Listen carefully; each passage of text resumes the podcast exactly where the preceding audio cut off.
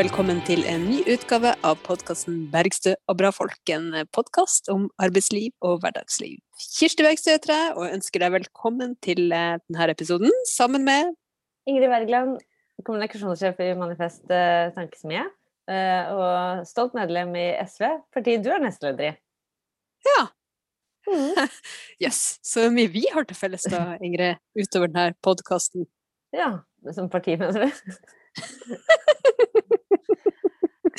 Ja, for eksempel.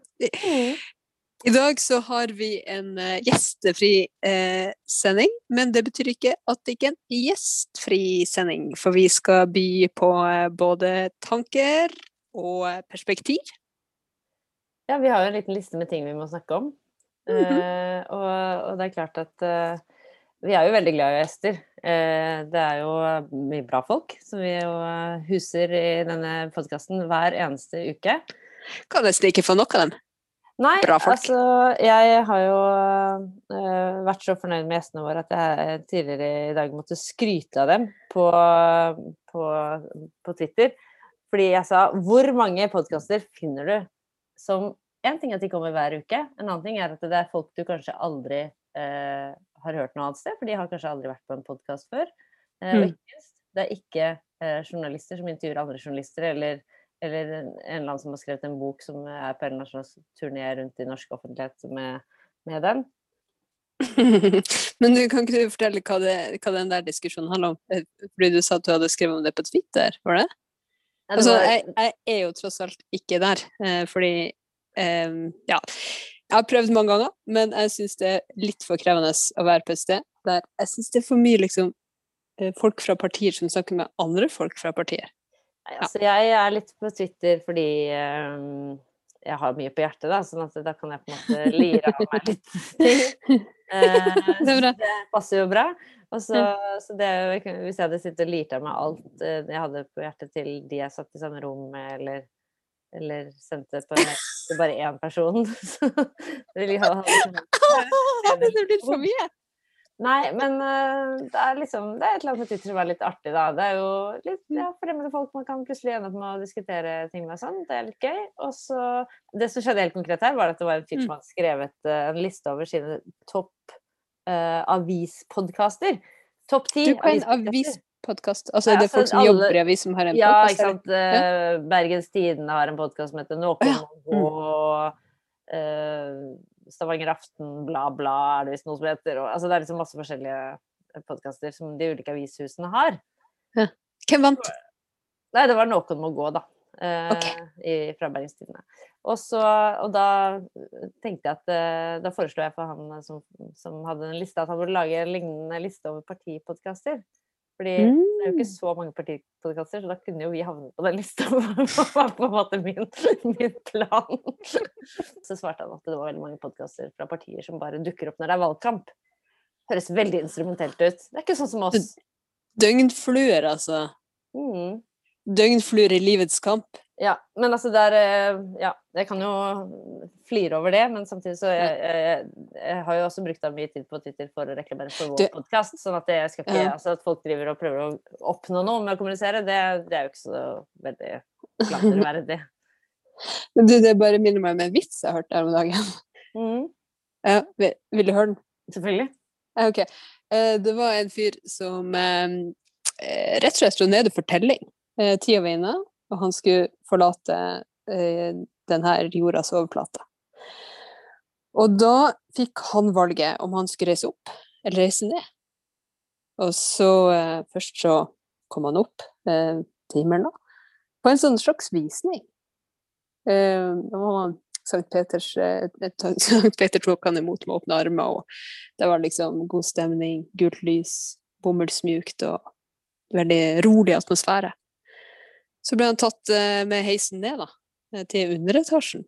Og der var det øl og god mat og herlig musikk og fest og moro. Og så eh, tenkte han seg nøye om, og tenkte eh, det var det artigste i underetasjen, så ja, han valgte den. Og så kom, kom tida. Tida var inne.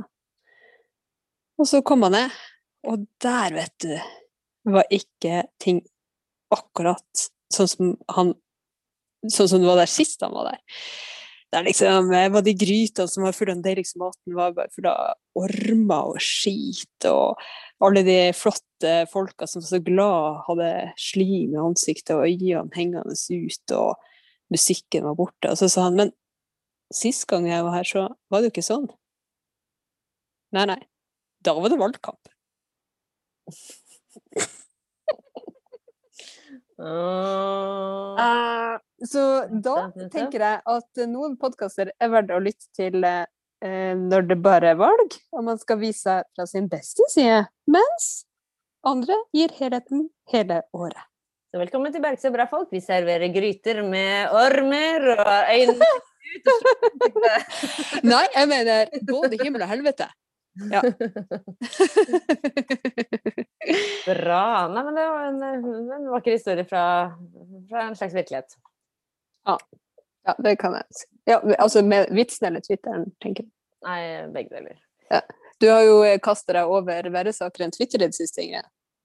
Ja, altså jeg har jo også surret meg inn på dette nye som heter Clubhouse. Men jeg vil ikke snakke så mye om det, for det er jo Nei, vi trenger ikke gjøre det. Ja, Nei, jeg, jeg kan si én ting. Ja. Altså, eh, for jeg, dette er jo et slags Det kalles jo da ofte Twitter med lyd, eller en slags, mm -hmm. eh, en slags live podkastfestival hvor du kan vandre rundt og høre på ulike temaer eh, på forskjellige møter, og du kan også delta selv. Um, og en dag jeg bare surra meg inn på dette klubba, så havnet jeg på det the worst. Altså det verste, eh, verste, rareste møtet. Eh, det var jo også litt i min egen interesse, da, for det var et møte som rett og slett handlet om hvordan kan podkasten din få flere lyttere. Eh, og da tenkte jeg ja ja, det er jo alltid nyttig. Og så mm. det første jeg hører, en sånn amerikansk dame sånn uh, I think podcasters should use TikTok more to reach out for new audiences. Så jeg bare Å, herregud. På Clubhouse og hører om podkast, og beskjeden er begynne TikTok. Oh, men orker ikke. Måtte jeg løpe ut og møte mennesker i virkeligheten i stedet. Ja, det skjønner jeg veldig godt. Men jeg bare føler at jeg må si liksom høyt til hele verden eh, takk for at du har delt mitt telefonnummer og kontaktinformasjon med amerikanerne. Siden, du, siden det er det som er inngangsbilletten til denne fuckings eh, eh, Clubhouse. Men når det er sagt, Eh, så er det jo noen liksom mer slitsomme sider enn andre med, med de sosiale mediene og verden. Eh, og det her partiet mitt, som jeg virkelig elsker, eh, har funnet ut at alle førstekandidatene til stortingsvalget som er til høsten, skal isbade! Å ja! Så gøy! Skal du isbade? Nei, selvfølgelig skal jeg ikke det! Du må jo følge partilinja. Du må følge, altså, følge beskjeden fra ja, for dette har sett Lars Haltbrekken gjøre. Han har gjort det, og nå begynner jo alle fylkene å kaste seg på for denne isbadinga. Og det her må jo åpenbart ha skjedd, eh, og blitt bestemt på et møte der jeg ikke var til stede. Fordi eh, målet er jo veldig bra. Det er sånn, eh, Partiet isbader, og man snakker om klimaendringer og sånne type ting. Men skjær meg løs, da. Det er jo kaldt som fysan å bade i, i, i februar. Hvem som gjør det? Altså, jeg gjør jo det ganske ofte. Ja, du vet hva, da kan du være min stand-in. Men dette, vi, dette, fikser vi. Jeg har blitt ganske god på sånn uh, videoredigering og sånn. Altså, jeg kan bade med ditt ansikt. Det får vi til. altså, dette er jo åpenbart for å skape en sosiale medier-hype. Men det som er veldig rart med det, er at det, hvis du isbader, så har du all interesse om at temperaturen på jorden skal gå opp. Så dette, dette budskapet henger jo ikke på greip. Ja, det er, kanskje, det er, kanskje, det som er min offisielle unnskyldning for å ikke bli med. Jeg bare sier sånn nei, nei, nei. Eh, jeg vil tross alt at temperaturen skal gå ned, ikke opp. Mm. Men det har jo vært noen debatter den siste tida, Ingrid, som har eh, handla om litt forskjellige ting. Jeg har eh, registrert at um, dere som er politikere, eller folkevalgte, som jeg liker å kalle det, i, i, i Oslo, uh, har tatt noen grep rundt Eh, rundt noe som ofte er et tema. Eh, og du kan bare si sånn ofte et tema som skaper eh, tendenser til politikerforakt, som mange vil si at øker avstanden mellom folk og folkevalgte.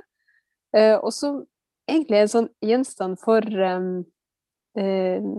Eller uttrykk for, for, et raseri, egentlig. Hva snakker jeg om nå? Vi snakker om høye lønninger. Eller altfor høye lønninger. Eller godtgjørelser, da, som man ja, ofte kaller det. Godtgjørelser heter det vel strengt tatt, ja. Nei, det er jo rett og slett at denne uken har Eller forrige uke, da, blir det jo når dette sendes.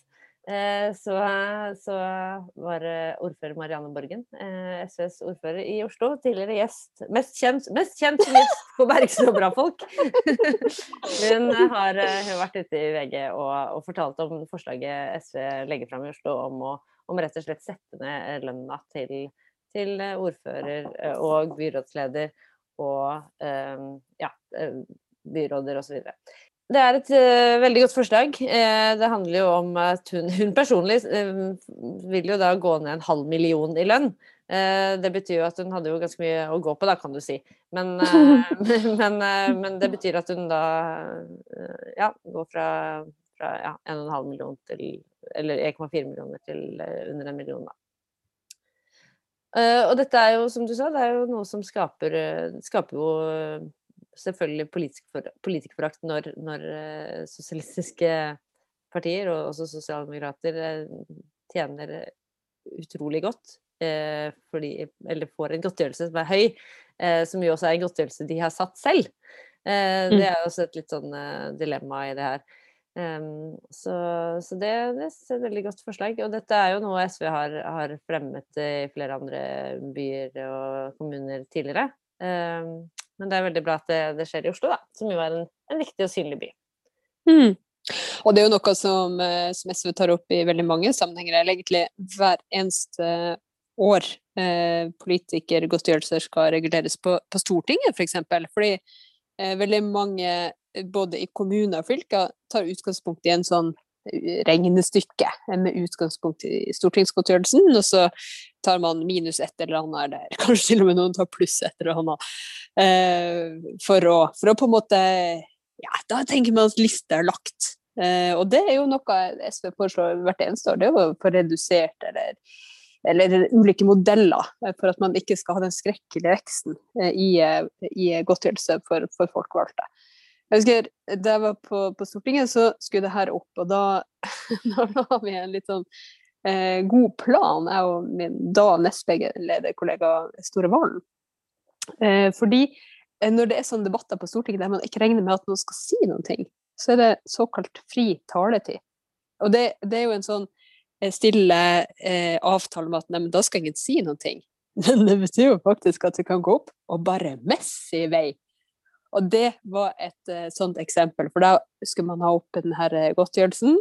Uh, og det, SV selvfølgelig hadde forslag om at man skulle ha ja, enten samme tillegget som de mest lavtlønte hadde fått, for å gjøre et poeng, eller om det var ja, det, det samme som uføre eller eller pensjonister. Det var litt ulike modeller man kunne velge og vrake. da. Eh, hvis, hvis, man ønska å gjøre noe med eh, det voldsomme eh, godtgjørelsen man hadde. Og da, vet du, da drar vi opp og prater i vei og har forberedt å snakke om både det ene og det andre. Og det blir jo så dårlig stemning. Og så sier vi jo til de her folka som er der fra de andre partiene, at vi forstår at det kan være krevende for dem å høre alle de argumentene som er i en tid der eh, forskjellene øker. Eh, mange yrkesgrupper opplever å stå stille, og de sjøl skal bevilge seg høyere godtgjørelser. Vi forstår at det er krevende for dem, og vi kan godt slutte med de her timene med innlegg vi har foran oss. Om noen av dem bare er villige til å komme opp og ta ordet og ta del i debatten. Og da, vet du, da begynte det å koke i salen så fikk man faktisk en eh, ganske god diskusjon, eh, som egentlig er ganske avslørende. Fordi da kommer jo folk fra høyresida og sier sånn Nei, men du får jo ikke de beste folkevalgte om man skal eh, drive og ha vanlige lønninger. Ikke sant? Og hvem får du hvem, hvem er det man egentlig da tenker at politikken skal være for? Og hvem er det da man tenker at demokratiet skal bestå av? Eh, så det er jo en veldig viktig kamp. Jeg vil jo bare gratulere dere, Ingrid, i Oslo, med å kanskje få satt skapet litt mer på plass enn der det burde være. Ja, det, for, for, våre faste lyttere så vet dere jo at jeg har et nyttårsforsett som jeg nå er på andre året av. nemlig at jeg skulle lese den boka som er Langgaten strengt tatt funker best som en slags sånn bokstøtte. Men uh, den, den, har jeg nå begynt på, da. Så jeg har kommet litt så vidt i gang med den. Uh, men så det er jo kjedelig med en bok man kjenner hovedkonklusjonen i, selvfølgelig. Det er jo, mister jo litt motivasjonen av det. Og hovedkonklusjonen i boka, som jo er viden kjent, er jo at uh, det lønner seg jo strengt tatt ikke å jobbe, det lønner seg å, å arve og ha mye kapital, og at kapitalakkumulasjonen er på en måte den, den drivende liksom, veksten i, i, i, i vårt samfunn, og at det er de, de som ja, har mye kapital med seg, blir bare rikere og rikere. Eh, mm. så, eh, så, det er jo hovedkonklusjonen i boka. Men eh, når, på begynnelsen av boka, da, så skriver han også litt er inspirerende, andre ting, nemlig om noe som jo skaper et enormt engasjement hos meg, nemlig denne spinnville veksten i lederlønninger i Vesten. Som mm. er sånn helt, helt, ekstreme. De er så ekstreme. Eh, og, det, og, da tenker jeg altså i, i, i lys av det, da. Lys av den innsikten i denne snart ti år gamle boka, men det har bare blitt drøyere siden det. Eh, så er det jo viktig at også da eh, folkevalgte står, står fram som et godt eksempel og ikke er med på den på denne lønnsgaloppen, da. Eh, så vårt søsterparti, Venstrepartiet, hadde en, her liten kampanje på sosiale medier i, i disse dager hvor de, hvor de, legger fram statistikk på at en, en gjennomsnittlig direktørlønning eh, ligger på 80 ganger en, en renholders inntekt. Mm. 80 ganger! Altså det er sånn det er, De er ikke 80 ganger så viktige, liksom. Det, er det både offentlig og privat uh, ja, det, det, vet jeg ikke. Dette gikk, gikk, fort forbi meg på Instagram, men, mm.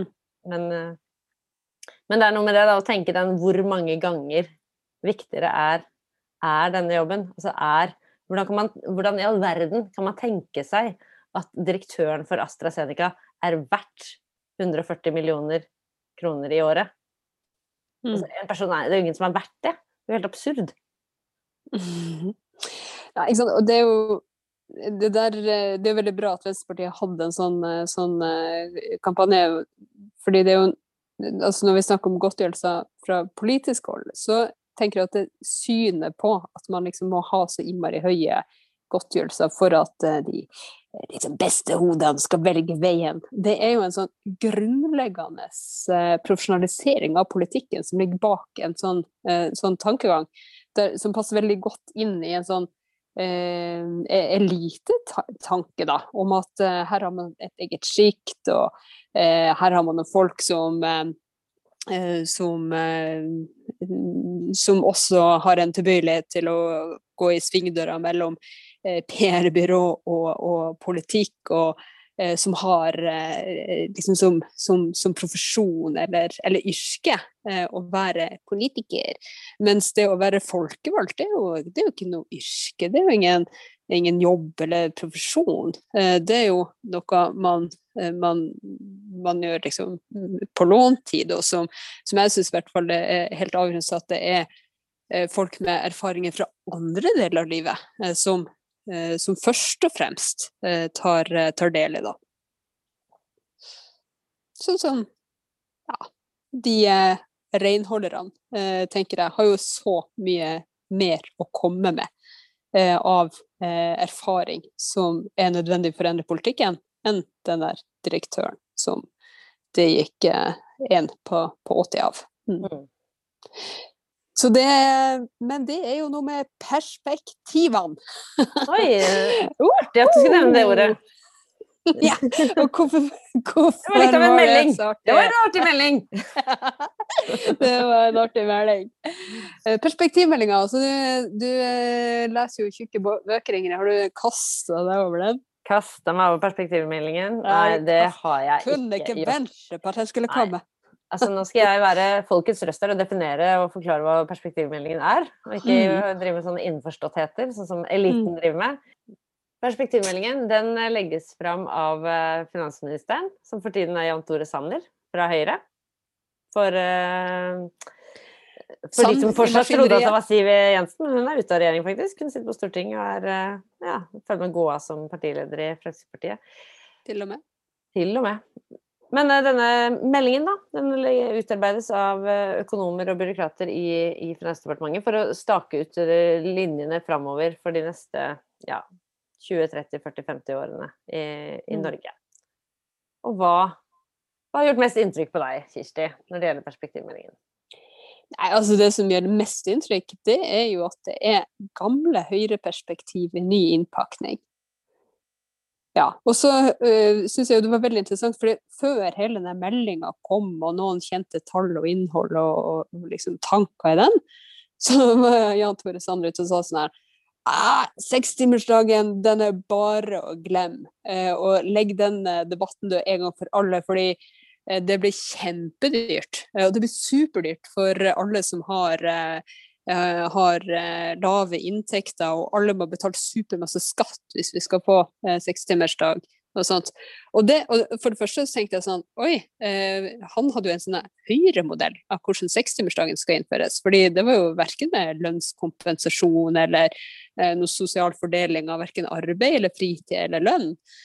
Eh, og det andre var jo at han opererte med tall som ingen andre hadde sett. Så han hadde på en måte laga sin utregning i det her dokumentet som ennå ikke var lagt frem. Og så var han sånn Det viktigste han vil si på forhånd.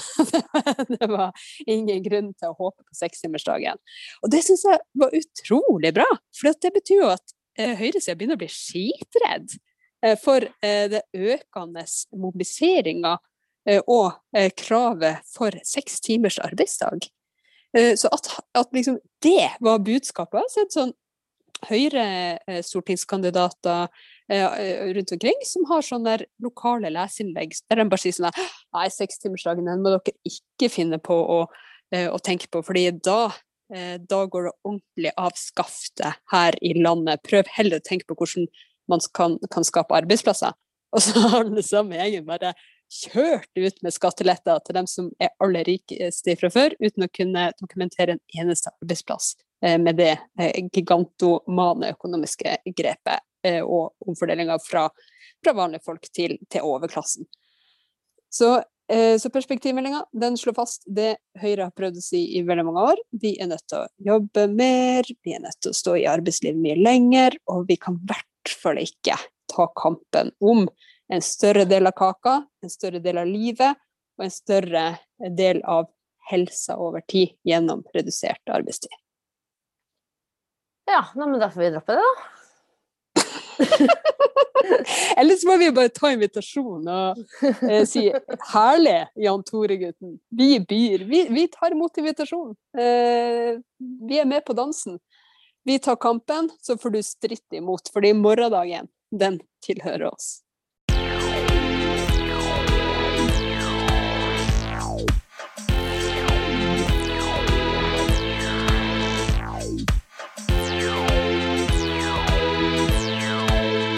Jeg tenker jo at denne debatten rundt sekstimersdagen og, og for så vidt perspektivmeldinga, eh, skal vi ha eh, mer, eller skal vi fordele eh, formen på flere?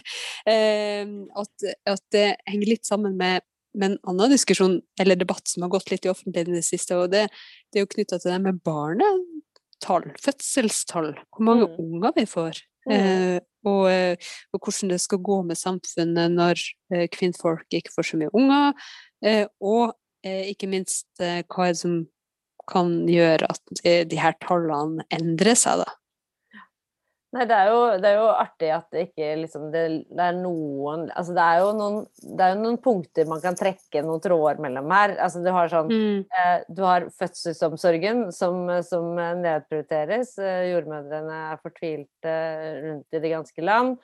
Eh, Vi har et boligmarked som er helt spinnvilt, i hvert fall i noen deler av landet, som er eh, både umulig å komme seg ja, inn på for mange, og, og videre for, for, for andre. Og, og som, også, som også setter folk i dyp, dyp gjeld og trangboddhet. Eh, og så har du, har du da en eh, høyrefolk som forteller at vi skal bare jobbe mer og lenger. Eh, og så har du Altså det er sånn Summen av det, det er sånn kanskje ikke så kjempefristende å sette, sette altså, og, og, ikke minst det korona, som jo gjør at, at framtida kanskje er utrygg og vanskelig for, for mange da.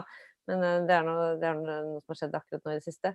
Men, men jeg mener, vi må, da, vi må jo bygge et samfunn som legger til rette for, for at folk skal kunne leve gode liv. Eh, det er jo liksom begynner å føde for BNP, liksom. Nå skal vi sikre Oi, kanskje vi skal lage en skattebetaler? Nå skal vi bli med på Blir du med meg hjem? Pule for landet, føde for BNP? Ja. ja. Vil du være med på det? Det, Nei, altså, det, er ikke, det, er jo ikke alle som får liksom like mye hjertebank av, av det, da, eller av mm. liksom eh, markedets uh, usynlige hånd, liksom. Det er ikke sånn Det er jo ikke, ikke Ja. Ikke jeg, da. Altså, jeg tenker jo at Det mest grunnleggende hvis, sant, Noen er jo veldig gode på å planlegge livet og vet hvordan det skal være på forhånd, mens andre kanskje oppdager mer eh, eh ja, Oppdager Oi, her, her, er jeg gravid, hva gjør man nå? Og en, en, en, helt avgjørende grunn til at du kan ha et reelt valg, tenker jeg, er at du har en helt reell inntekt.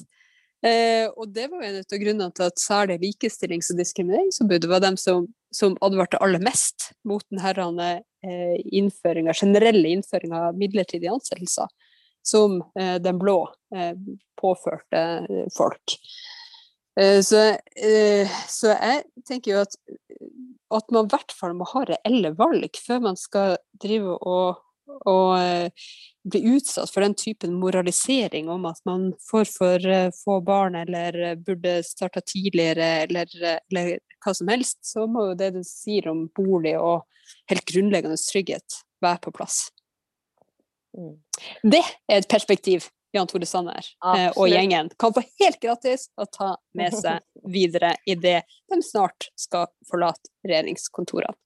Men, men, når det er sagt, så er det jo, er det jo sikkert uh, utrolig mye komplekse mekanismer i vår tid. Og det er jo liksom sikkert ikke noe quick fix. Og uh, vi lever i en individualisert tidsalder, og folk skal mm. finne den perfekte, og alt skal være perfekt på plass før uh, noe som helst skjer. Og det er mm. liksom Altså, har, det er utrolig mye, mye mikk og makk i, i, vår tid som gjør at det er liksom vanskelig å liksom, komme med noen, noe perfekt svar på hvorfor ting er som de er òg, da.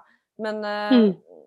men samtidig så må man på en måte Ja, folk det som jeg tenker er, altså, På den ene siden så må jo, hvis folk har lyst til å ha null barn eller ett barn eller 1,7, eh, som jo også er for lite, da, så, for at vi skal ha en, en stabil befolkning. Så, så, vær så god, liksom. Altså, det, må, det må det bare være opp, opp, til folk. Det jeg tenker er liksom viktigst, da, er at folk eh, kan fatte de gode valgene i sin liv ut fra hva de faktisk har lyst til. Da. Uh, mm. Og at den, at den opplevelsen av, av, av, frihet og valgmulighet til, uh, til, å ta de valgene man skulle ende opp med å gjøre, de, de, er, ja, de, er, veldig avhengig av alle disse materielle tingene som du snakket om i sted. Mm. ja. Men du er jo for tre unger.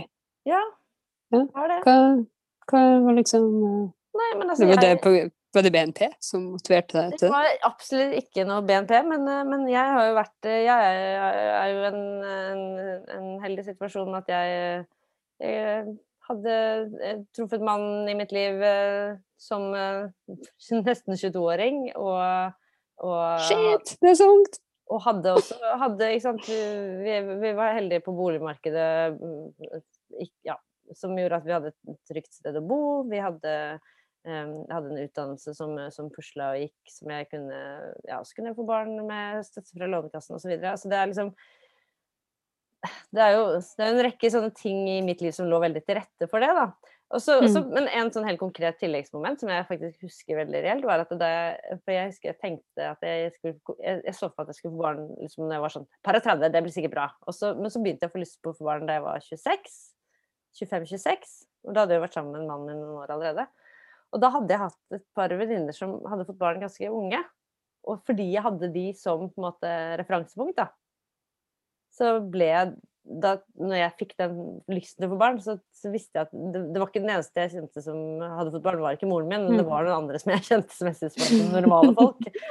Så da kunne jeg følge det, følge det ønsket, da. Så det var jo fint. Mm. Men det, handler jo om eh, sånn, noe så banalt som måte, rollemodeller, eller det å se at Og de er jo helt vanlige, de har jo ikke blitt, de har ikke blitt sånn som moren min av å få barn. Ikke noe galt å si om moren min, men, men hun var jo en annen generasjon enn meg. mm. Ja. Du er fra, fra bygda og, og, og, fra nord, og der er jo tallene litt annerledes. Så der var det på en måte to, to puljer, på en måte. Det var dem som fikk barn veldig tidlig. Eh, og som kanskje tok fagbrevet eller det de gjorde av utdanning etter det. Og så er det jo dem som, som tok noen form for utdanning, kanskje reiste litt bort og gjerne kom tilbake til, til hjemplassen um, før eller etter at man, man fikk barn, ganske mye seinere. Og det er jo gjerne, vi snakker jo gjerne 10-15 år imellom dem. Um, det, det, gjør man jo gjerne. Og jeg tenker jo at særlig eh, for dem som får unge tidlig, muligens alene, kanskje eh, overhodet ikke planlagt. Eh, at eh, for å kunne ha reelle valg overhodet, eh, så, eh, så må man ha noen fellesskapsløsninger på plass. Mm. Mm. Ja. Ble det konklusjonen i dag òg? Jeg lurer på om det er sant. Sykt hender på det hele tiden. det er helt vilt. Det er helt vilt. Det, det er fellesskap, altså. Det må ha så mye for seg, siden vi landa på det igjen og igjen og igjen. Takk til deg som hørte på. Det var hyggelig at du slo følge. Vi håper du fortsetter med det, eh, og ikke minst stille opp for fellesskapet. Det trengs.